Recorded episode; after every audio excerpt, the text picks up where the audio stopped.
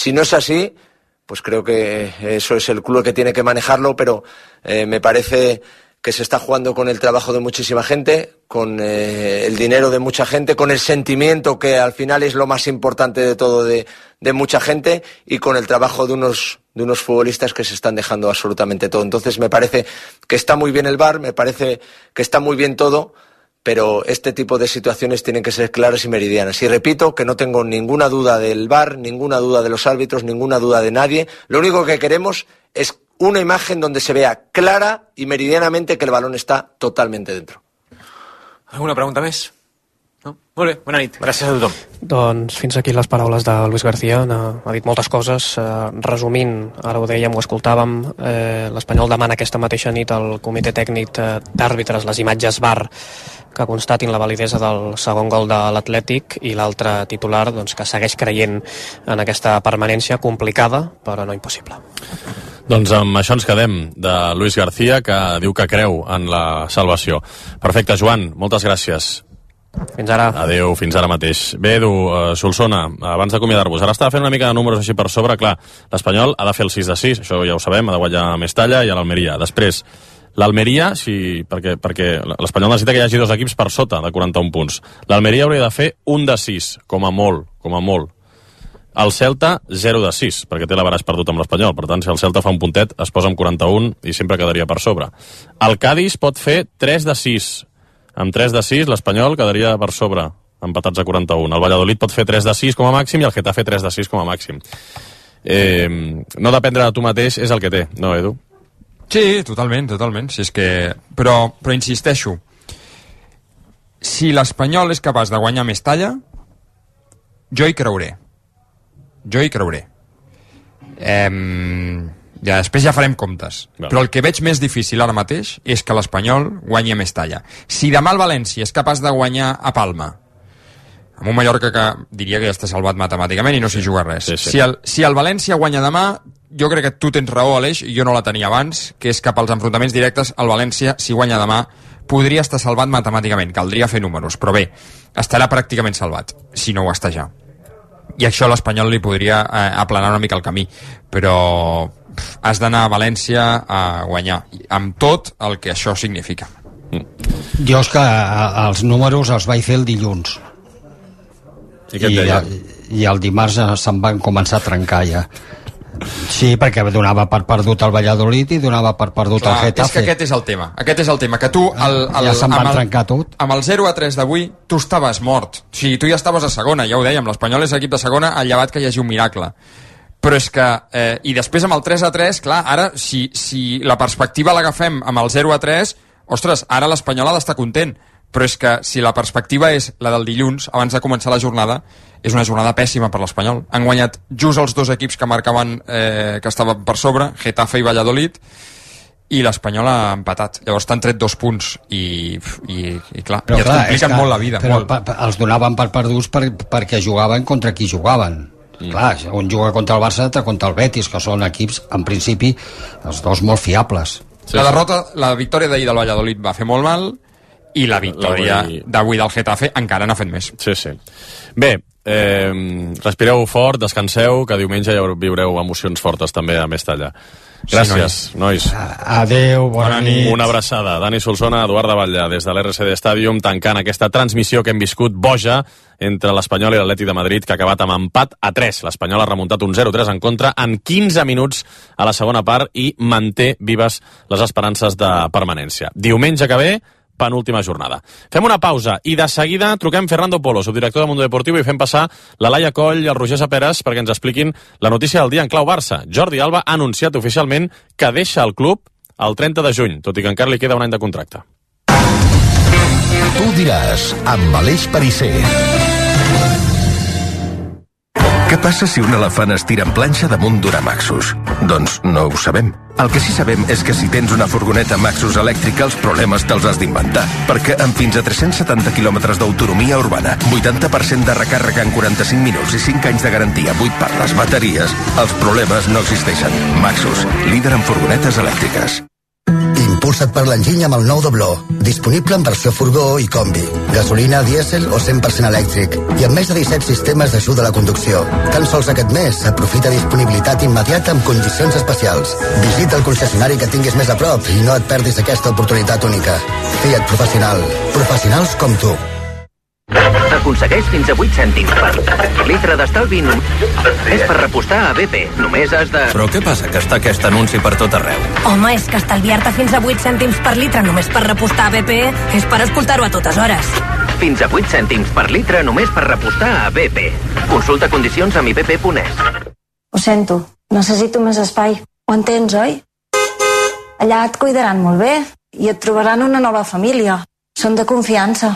Són d'aquí. Comprem el seu cotxe.cat. Taxació online gratuïta. Millorem la valoració que et faci el concessionari. Paguem al comptat en menys de 30 minuts. Comprem el seu cotxe.cat. Som de confiança. Som d'aquí. Mundo Deportivo és molt més. És veure espectacle, on altres només hi veuen futbol. És veure màgia, on altres només hi veuen bàsquet. És veure estratègia, on altres només hi veuen MotoGP. Si llegeixes Mundo Deportivo, hi trobes molt més. Mundo Deportivo. Ho donem tot. Diuen que la llum és vida, és coneixement. Sense llum no hi ha colors i res no en supera la velocitat. Per això els qui la dominen s'avancen al futur. Viu l'avantguarda amb l'Audi Q5 amb llums LED personalitzables per 600 euros al mes a 48 mesos i amb entrega immediata amb Easy Renting. Entrada 9.947 euros.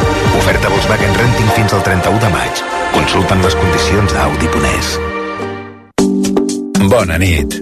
En el sorteig de l'Eurojackpot d'ahir, la combinació guanyadora ha estat 1, 2, 11, 14 i 36. I els sols, el 2 i el 3. Recorda que ara amb l'Eurojackpot de l'11, tots els dimarts i divendres hi ha pots milionaris. I ja ho saps, a tots els que jugueu a l'11, ben jugat.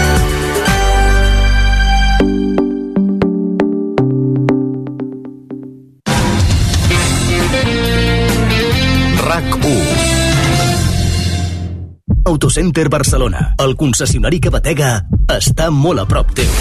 Entra a la zona d'altes emocions i trobaràs l'Escoda nou o seminou dels teus somnis. I si el teu Escoda necessita una revisió, l'anem a recollir i te'l tornem a punt.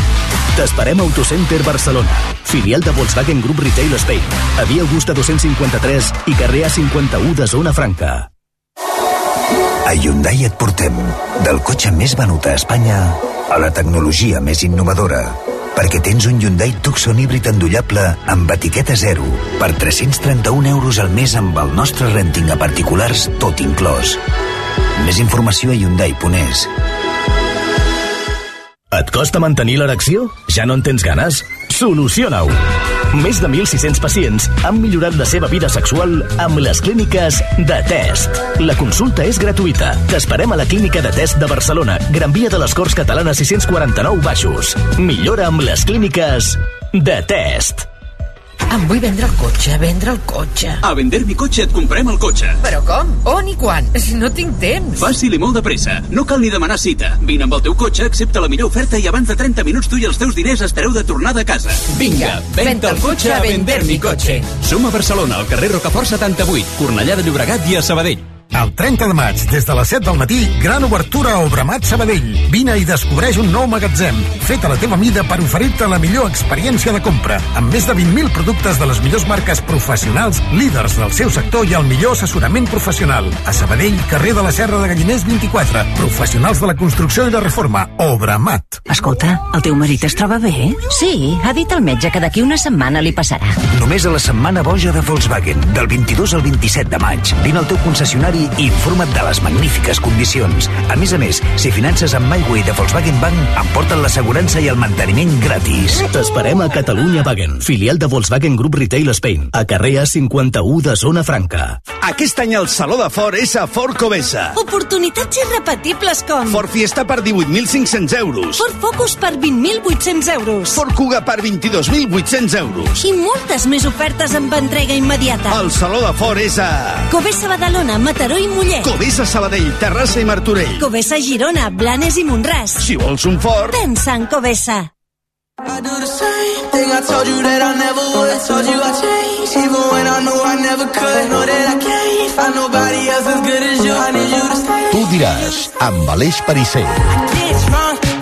Maxus, furgonetes elèctriques amb bateries de 8 anys de garantia, t'està oferint la tertúlia del Tu diràs. 20 minuts i la una de la matinada. Avui tu diràs express, després d'aquest Espanyol 3, Atlètic de Madrid 3. Canviem la taula d'anàlisi. Parlem ara del Barça amb el Roger Saperes. Hola, Sape. Hola, què tal, Parisser? Bona nit. Bona nit, la Laia Coll. Hola, Laia. Hola, bona nit. I hem trucat també a la redacció de Mundo Deportivo al subdirector Fernando Polo. Hola, Fernando.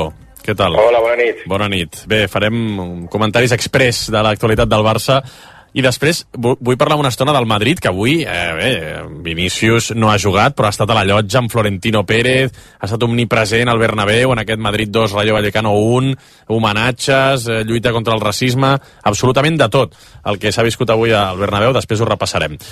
Abans, però, notícia del dia, com dèiem. Laia, Jordi Alba ha fet públic que marxa del Barça a final de temporada i hores després ha parlat per primera vegada durant la presentació del seu campus a Igualada. Sí, és cert que no hi ha hagut moltes preguntes perquè hi haurà un acte oficial al Camp Nou, en principi la setmana que ve, amb el president Joan Laporta, i serà en aquell moment quan donarà, eh, quan voldrà explayar-se més eh, per donar més explicacions, però és cert que avui ja hem pogut escoltar les primeres valoracions sobre el perquè d'aquesta decisió. Diu Jordi Alba que la possibilitat de deixar el club l'ha començat a valorar en els últims dies, després que el Barça, tant el president Joan Laporta com Xavi, deixessin la decisió del seu futur a les seves mans i Alba finalment ha cregut que era el moment de fer un pas al costat. Es una, deci- una decisión meditada. eh, cuando decía que me quería quedar aquí y cumplir mi contrato era, era la verdad. Pero bueno, eh, creo y siendo honesto con, conmigo mismo y con el club, creo que la mejor opción para los dos era, era dar un paso al lado, como así he hecho. El rol de suplent que ha tingut al llarg de tota la temporada ha sigut un element de pes que l'han ajudat a obrir els ulls i prendre eh, la decisió de marxar. siempre he querido quedarme, pero bueno, vas viendo que, que bueno, que al final eh, van pasando los años y, y creo que este año pues he tenido un rol más secundario, pero no por ello menos importante. Creo que, que me he visto también, me he conocido más a mí mismo, eh, he ayudado mucho a los jóvenes. Alba tenia encara un any més de contracte fins al juny del 2024 i ha arribat a un acord amb el club per rescindir. Perdonarà un percentatge important del salari de la temporada que ve, que és d'uns 16 milions d'euros bruts, i aquesta quantitat s'afegirà als 20 milions bruts de diferiments que encara té pendent. És a dir, el club li deu aquests 20 milions d'euros bruts més a la part corresponent al salari de la temporada que ve. Serien uns 16 milions d'euros bruts, però ja hem dit que Jordi Alba perdonarà una part important. El lateral, en aquesta roda de premsa de presentació del seu campus, ha assegurat que encara no ha decidit quin serà el seu futur. A día de hoy no tengo nada, absolutamente nada con ningún club, ni, ni he recibido ningún, ningún interés porque precisamente es por eso, ¿no? Que mi intención era quedarme en el Barcelona, cumplir mi contrato y, y he tomado esta decisión por, por- porque era, creo que era lo mejor para el club y para, y para mí. Eh, luego pues se verá si eh, dónde juego, dónde, dónde jugaré, pero en ese sentido pues eh, te soy honesto y no, no tengo ni una oferta de- de ningún equipo.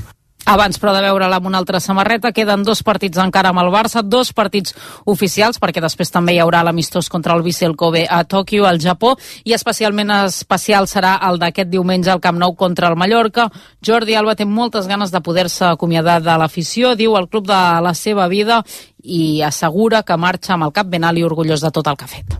bueno, serán momentos complicados porque será mi último partido con el, con el club de toda mi vida, pero es mi decisión y, y bueno, eh, voy a muerto con ello, creo que hago lo correcto en el momento oportuno y, y bueno, será complicado porque soy culé de toda la vida, llevo 18 años en el club, no es nada fácil, llevo 11, 11 temporadas en el primer equipo más 7 en, la cantera y serán momentos complicados, seguro, pero eh, me voy como he dicho antes, con la cabeza bien alta eh, y con la tranquilidad de que he dado todo por mi club.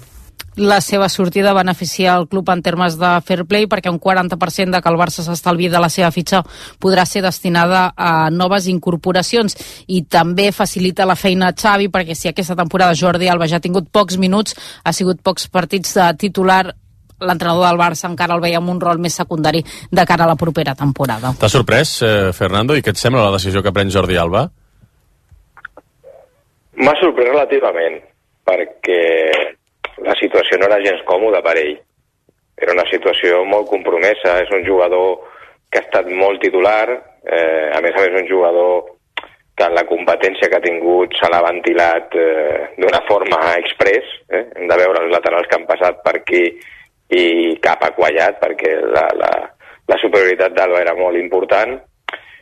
Però sí que és veritat que el Xavi li havia deixat molt clar que no, que no comptava amb ell, i a més a més és que l'home que estava jugant per davant d'ell eh, ho està fent molt bé, perquè si poses un jugador que fa figa, que, que, no, que no tira, que no, que no convença l'afició, doncs eh, sempre és molt fàcil recordar-se a l'internacional que està a la banqueta.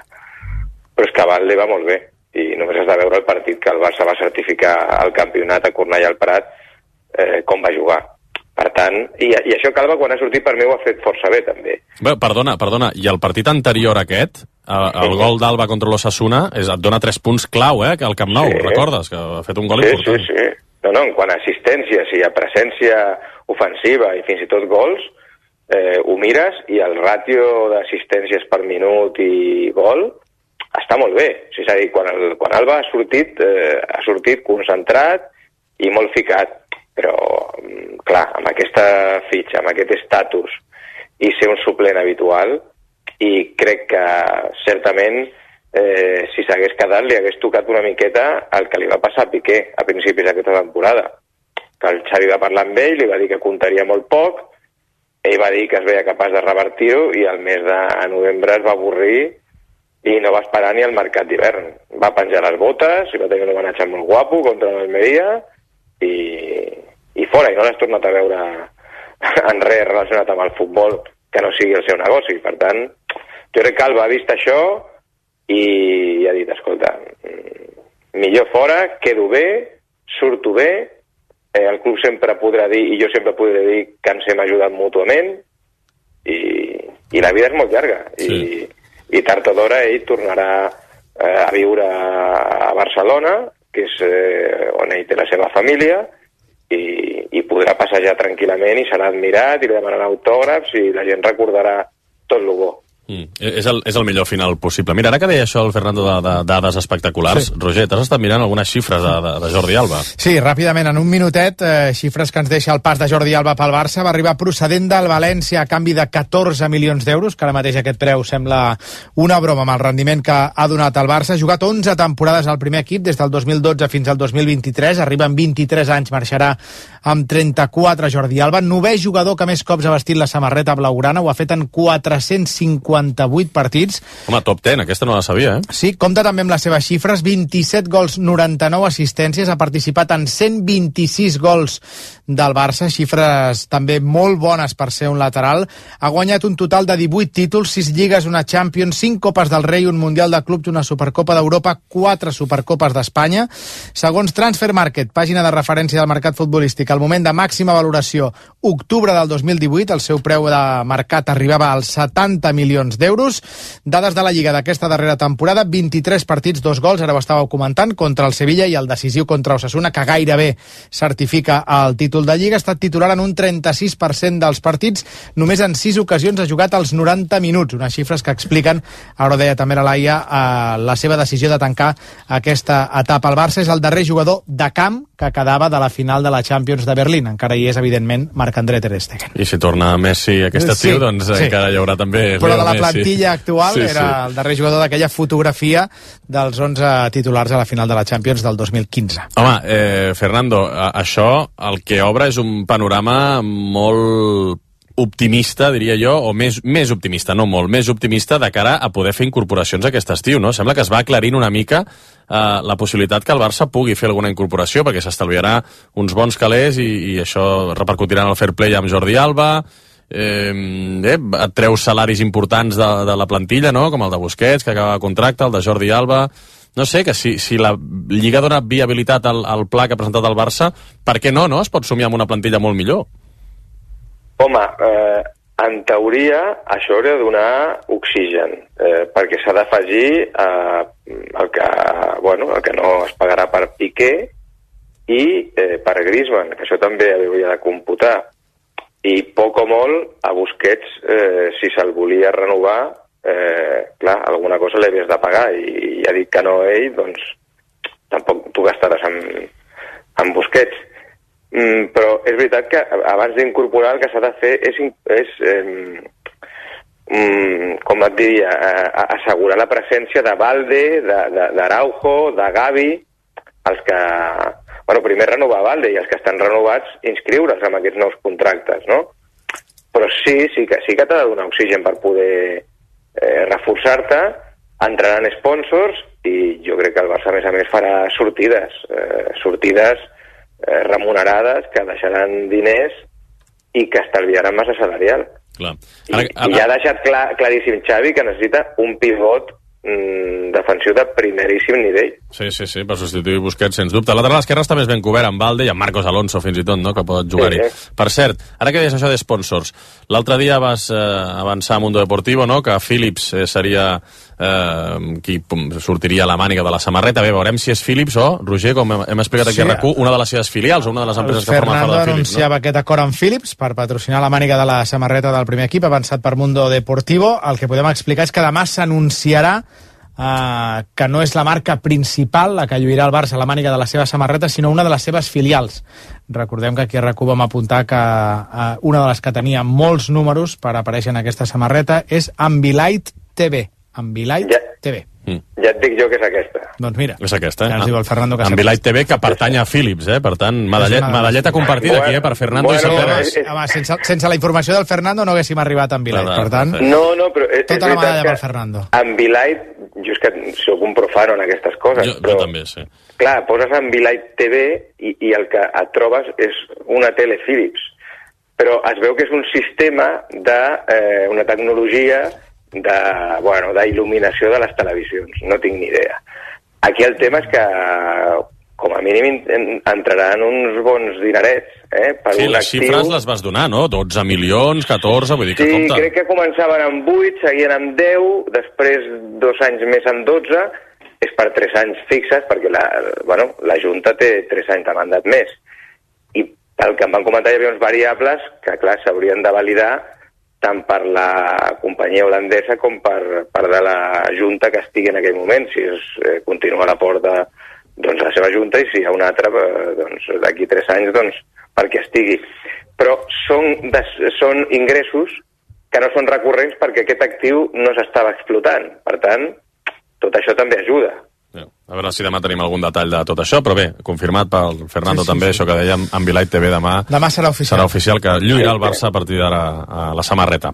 Molt bé, 8 minuts i la una, gràcies Roger, gràcies Laia. De res, bona nit. Vinga, et demanaré una última opinió, Fernando, sobre el Madrid. Entra a l'estudi el Jaume Molló, o la Molló, eh? Hola, Aleix. Que ha guanyat el Rayo Vallecano, però avui el gran protagonista del Bernabéu ha estat Vinícius. No? Sí, el Madrid ha guanyat 2 a 1 al Rayo, gols de Rodrigo i de Benzema i Rodrigo, millor dit, el de Rodrigo última hora per donar la victòria al Madrid, perquè abans havia empatat RDT pel Rayo.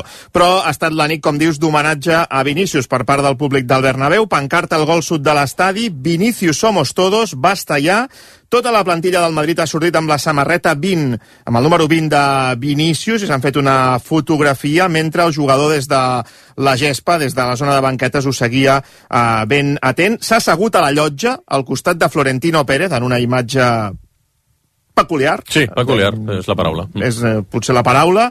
Al minut 20 hi ha hagut eh, crits de Vini Vini i aplaudiments del Bernabéu cap a la llotja eh, on, insisteixo, eh, era al costat de Florentino Pérez, el brasiler que s'ha aixecat per agrair el suport del públic eh, madridista. I al final del partit podem escoltar Carvajal, el primer dels seus companys que s'ha pronunciat després de tot l'enrenou.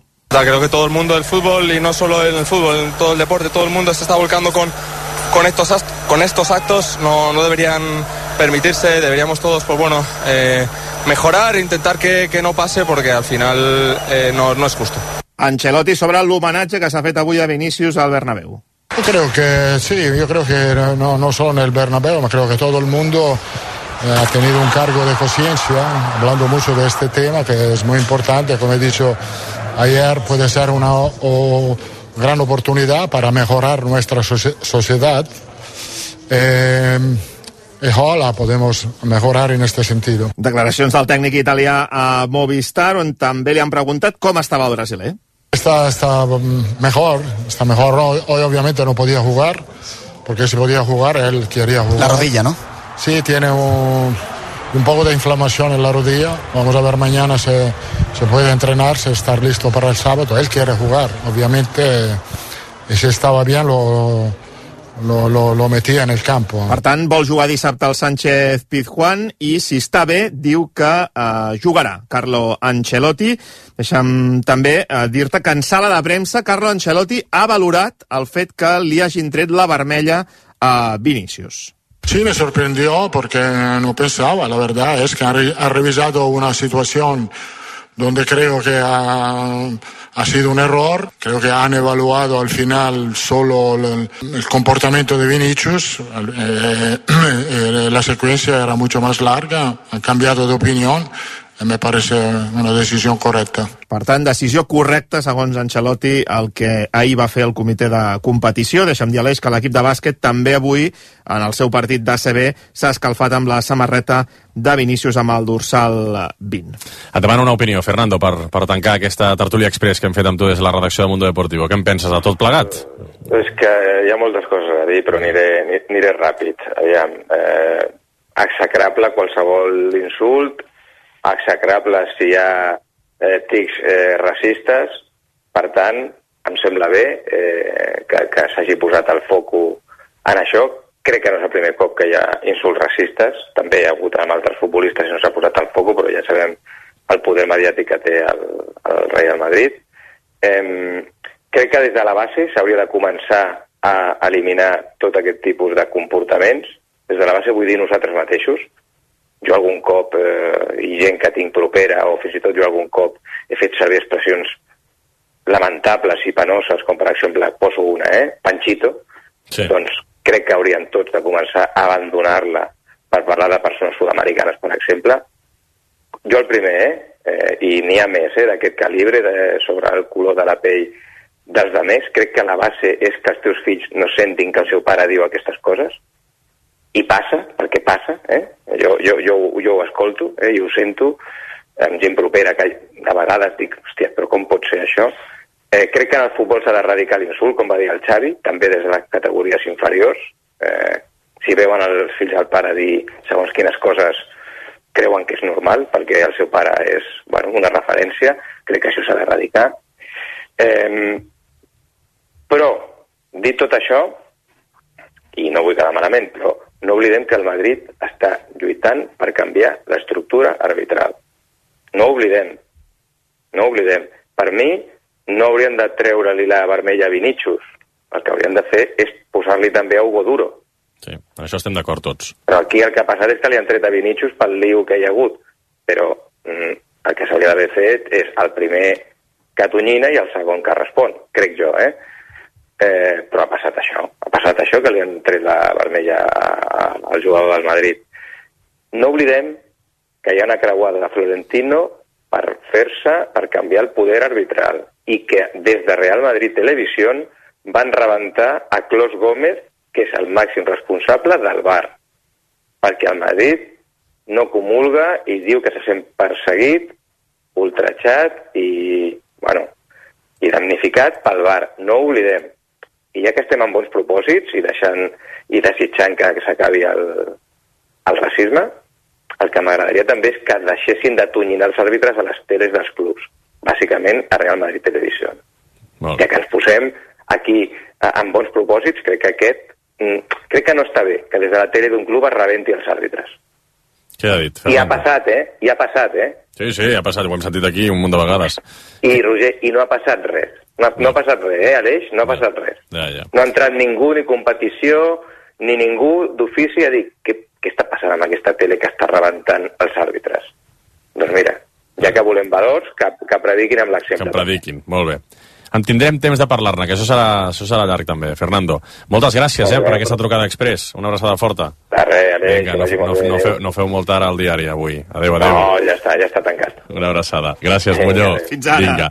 Pràcticament la una de la matinada. Tanquem aquesta tertúlia express que hem fet, fem una petita pausa i de seguida parlem de la Lliga CB. Ja tenim els play-off definits. Maxus, furgonetes elèctriques, t'ha ofert la tertúlia del Tu diràs. Què passa si un elefant es tira en planxa damunt d'una Maxus? Doncs no ho sabem. El que sí sabem és que si tens una furgoneta Maxus elèctrica, els problemes te'ls has d'inventar. Perquè amb fins a 370 quilòmetres d'autonomia urbana, 80% de recàrrega en 45 minuts i 5 anys de garantia buit per les bateries, els problemes no existeixen. Maxus, líder en furgonetes elèctriques. Tu diràs, amb Aleix Parisser. Estem de celebració. Els tallers Euro Repar Car Service fem 20 anys i el regal te l'emportes tu. Ara, si canvies els pneumàtics per uns Euro Repar Reliance o canvies les pastilles o els discos de fre i instal·les Euro Repar, t'emportes fins a 100 euros de regal. Visita l'Euro Repar Car Service que tinguis més a la vora i consulta'n les condicions a eurorepar.es.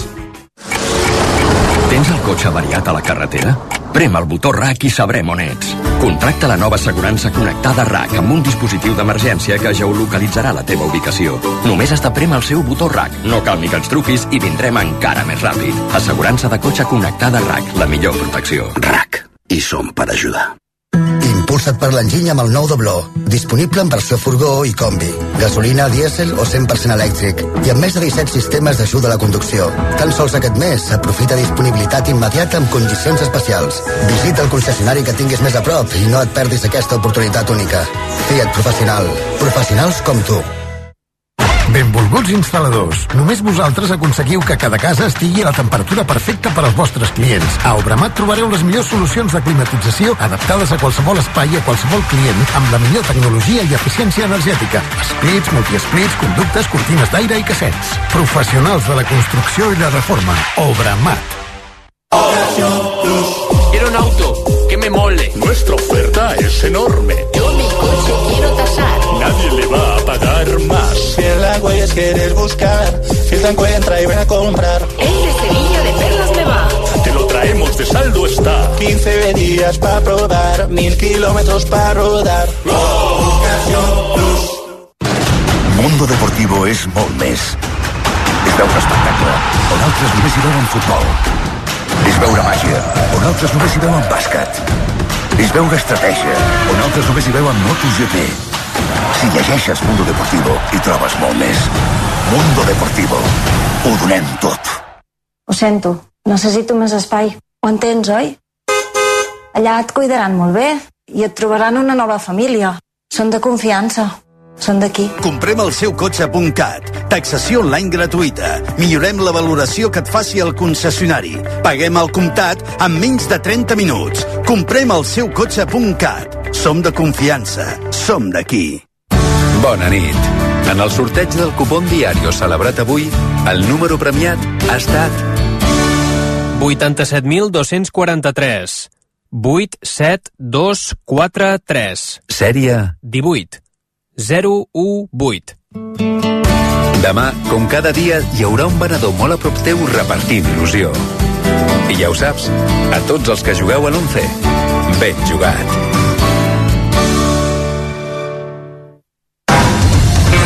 Tu diràs, amb Aleix Parisser. is beter dan met jou een koud zien. Er zijn mensen die naar warme landen La final d'Eindhoven a RAC1. en dan zitten we hier in oude stand. Falten 10 dies. Cada cop que la sento m'agrada més aquesta banda sonora original eh, que hem creat per eh, anar camí cap a Eindhoven, per aquesta final de la Champions femenina. La cançó neerlandesa de Bluff, del grup Bluff, que es diu Zoutelande, que vam estrenar l'altre dia, que ens acompanyarà cada cop que parlem d'aquesta final de la Champions femenina. I seguim fent el compte enrere, queden només 10 dies eh, per aquesta final del 3 de juny al Philips Stadium i avui tirarem de Maroteca i qui millor que el cap d'esports de reculls, el Lluís Garcia, que tira de Maroteca també al Barça Juga rac per explicar-nos la relació històrica que hi ha entre el Barça i el club més important de la ciutat que acollirà aquesta final de la Champions femenina, que és el PSV Eindhoven. El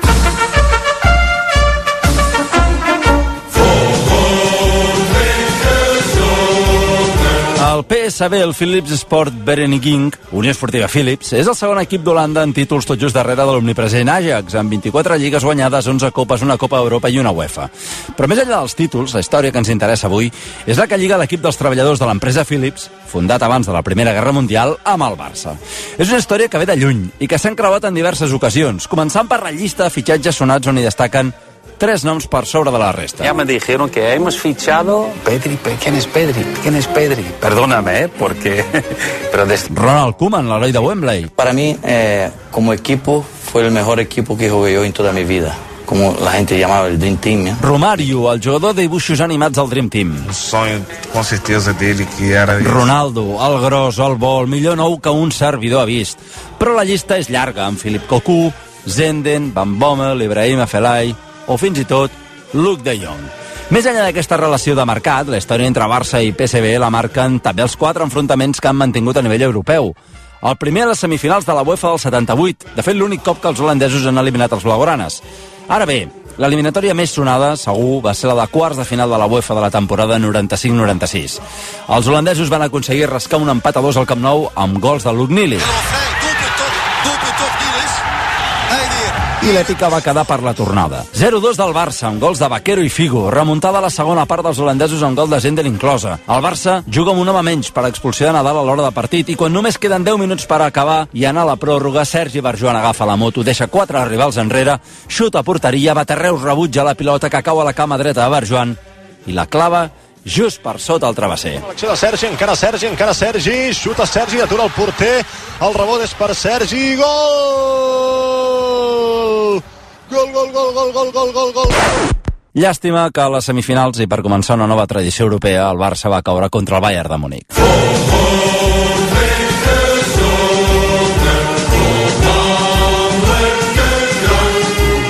I el femení, doncs també s'ha creuat amb el PSV a Europa, però amb un balanç més positiu. Una 4 a domicili, 4 a 1 a Barcelona i accés a vuitens. A quina temporada? La 2020-2021. Sabeu, no?, com va acabar aquella temporada?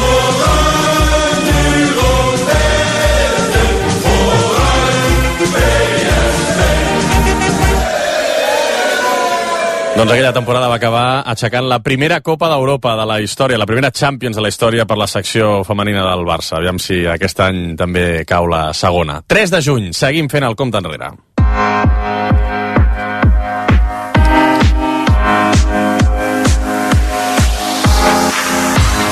I tancarem el Tu diràs d'avui parlant de bàsquet, perquè ja tenim els play-off de la CB definits. Hola, Dani Aguilar, bona nit. Hola, Aleix, bona nit. Hola, Marc Mundet, bona nit. Què tal, Aleix? Bona nit. Avui s'han completat ja les 34 jornades de la fase regular. Eh, L'última, de fet, hi havia alguns partits que s'han jugat de forma unificada aquest Sí, vespre. sí. I han quedat definides les 8 primeres posicions de la classificació. El Barça ha quedat líder, ja ho sabíem, i jugarà els quarts de final contra el València. La penya setena s'enfrontarà al Bascònia. Anem a pams, comencem pel Barça. Dani, tu que has estat al Palau Blaugrana, avui victòria còmoda contra l'Ucamp Múrcia. En el que era el retorn de l'equip de Sares, després de la patacada a la Final Four, tres dies després de tornar a Kaunas, el Palau ha rebut l'equip amb suport, diguem-ne, sense passar factures i sent conscient de la importància de recuperar-se ràpid. El partit sense cap història, malgrat que els murcians es jugaven ser al playoff, de fet, si haguessin guanyat, haurien acabat vuitens per la derrota del València, que finalment el València serà el rival del Barça. En cap moment l'UCAM ha fet patir un Barça que ha tingut en Jan Bessel i el millor, 14 punts, 19 de valoració. Un partit que, sobretot, ha refermat les sensacions d'optimisme de millora de Saras des del retorn de Kaunas. Está bien porque estamos en un momento delicado, ¿no? No hay que mentir. Y bueno, yo creo que los chicos ayer ya, ya lo he hecho muy buen entreno. Hoy también parecía que tiene ganas de, de ganar, ¿no? Ya tocan preparar, tenemos suficiente tiempo para preparar la serie contra Valencia y que seguramente será difícil. També diu que és una eliminatòria difícil al vestidor. Barça-València, primer contra vuitons, quarts de final que arrenquen dilluns a les 9, primer partit, segon divendres a les 9 a la Fonteta, si fos necessari diumenge al tercer. Per cert, que amb la d'avui, el Barça ha tancat en ple de victòries locals la fase regular de l'ACB. Hòstia, un fortí el Palau. Només ha passat quatre vegades a la història en ACB uh, d'aquest uh, ple de victòries com a local 17-0 aquesta temporada l'anterior va ser la temporada 9-10 en Xavier Pasqual les dues anteriors als anys 80 amb un tal Aito García René si s'entrenen al Barça Un mite de les banquetes. Per tant, Barça-València, quarts de final del play-off de la Lliga CB, el millor de tres partits. És rapidíssim aquest play-off, eh? El dilluns vinent, dia 29 de maig, el primer partit al Palau, a les 9 de la nit, i el divendres 2 de juny el segon partit a la Fonteta. Si fos necessari un tercer, com deia el Dani, es jugaria al Palau el diumenge 4 de juny. Tot és molt ràpid. De fet, el Mundet ha passat al grup de WhatsApp un quadre molt explicatori. Mundet, sí. està la mar de bé. Sí, sí, sí, sí. Pels amants del bàsquet és perfecte. És És a més, perfecte. cada dia de la setmana que ve sí. hi ha un partit de play-off de quarts de final. Ara repassarem la resta del quadre, però com dèiem, Mundet, l'altre equip català que jugarà als play-off pel títol és la Penya, que avui ha perdut a Granada, 73 a 62, però que combinat amb la victòria del Bascònia a, a Girona fa que els vertinegres es trobin amb els vitorians als quarts de final. De fet, jo ara em tiro de memòria, es van trobar a quarts de Copa, no? Sí, senyor. A, sí, aquí a senyor. Badalona, ja, i va Sí, guanyar senyor. la, la penya. Sí, Sí, sí, sí, sí, era un partit divertidíssim, I a tant. més a més. Eh? Suposa la cinquena temporada consecutiva del joventut jugant posttemporada, totes les que porta Carles Duran a la banqueta, havia sigut un partit estranyot, on s'ha vist que el Granada s'hi jugava molt més i que en certa manera ja li va bé a la penya que el rival sigui el Bascònia i no el Madrid. Fixa-t'hi, 42 a 51 favorable a la penya a mitjans del tercer quart, Costa que empata a 52 i a partir d'aquí ha sigut un festival anotador on el Granada ha anat a més i la penya clarament a menys. Granada s'hi jugava la salvació i això s'ha acabat notant amb el nord-americà amb passaport liberià Thomas Brockblev que ha acabat molt i molt fort. Carles Duran no ha fet sang de la derrota amb les primeres valoracions en l'emparellament de playoff contra el Bascònia.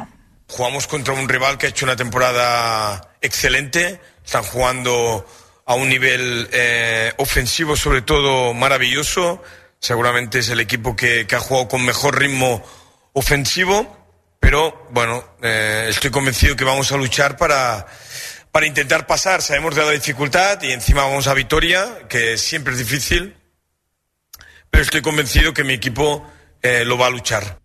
Detall que no és menor, Aleix, la penya ara mateix és a Granada, una i onze de la matinada de dimecres a dijous, eh, ha de tornar demà cap a Badalona i tornar a marxar divendres cap a Vitoria, perquè el partit, primer partit és dissabte a dos quarts de set de la tarda. El segon, dimarts a les 9 de la nit a l'Olímpic, el tercer seria dissabte 3 de juny a dos quarts de set. Aquesta temporada el balanç entre catalans i bascos, 2 a 1 pels de Joan Penyarroia. Doncs és una eliminatòria complicada, però, com dèiem, la penya ja sap el que és guanyar el Bascònia aquesta Mm. temporada, ho va fer als quarts de final de la Copa que va jugar a casa seva a l'Olímpic de Badalona. Un Bascònia que, com ara explicàvem, ha confirmat la segona posició de, la- de la Lliga regular, guanyant avui a Girona 75 a 79. Un partit amb les mirades posades en Marc Gasol i Aito García Reneses. Ha estat el seu darrer partit, Mundet?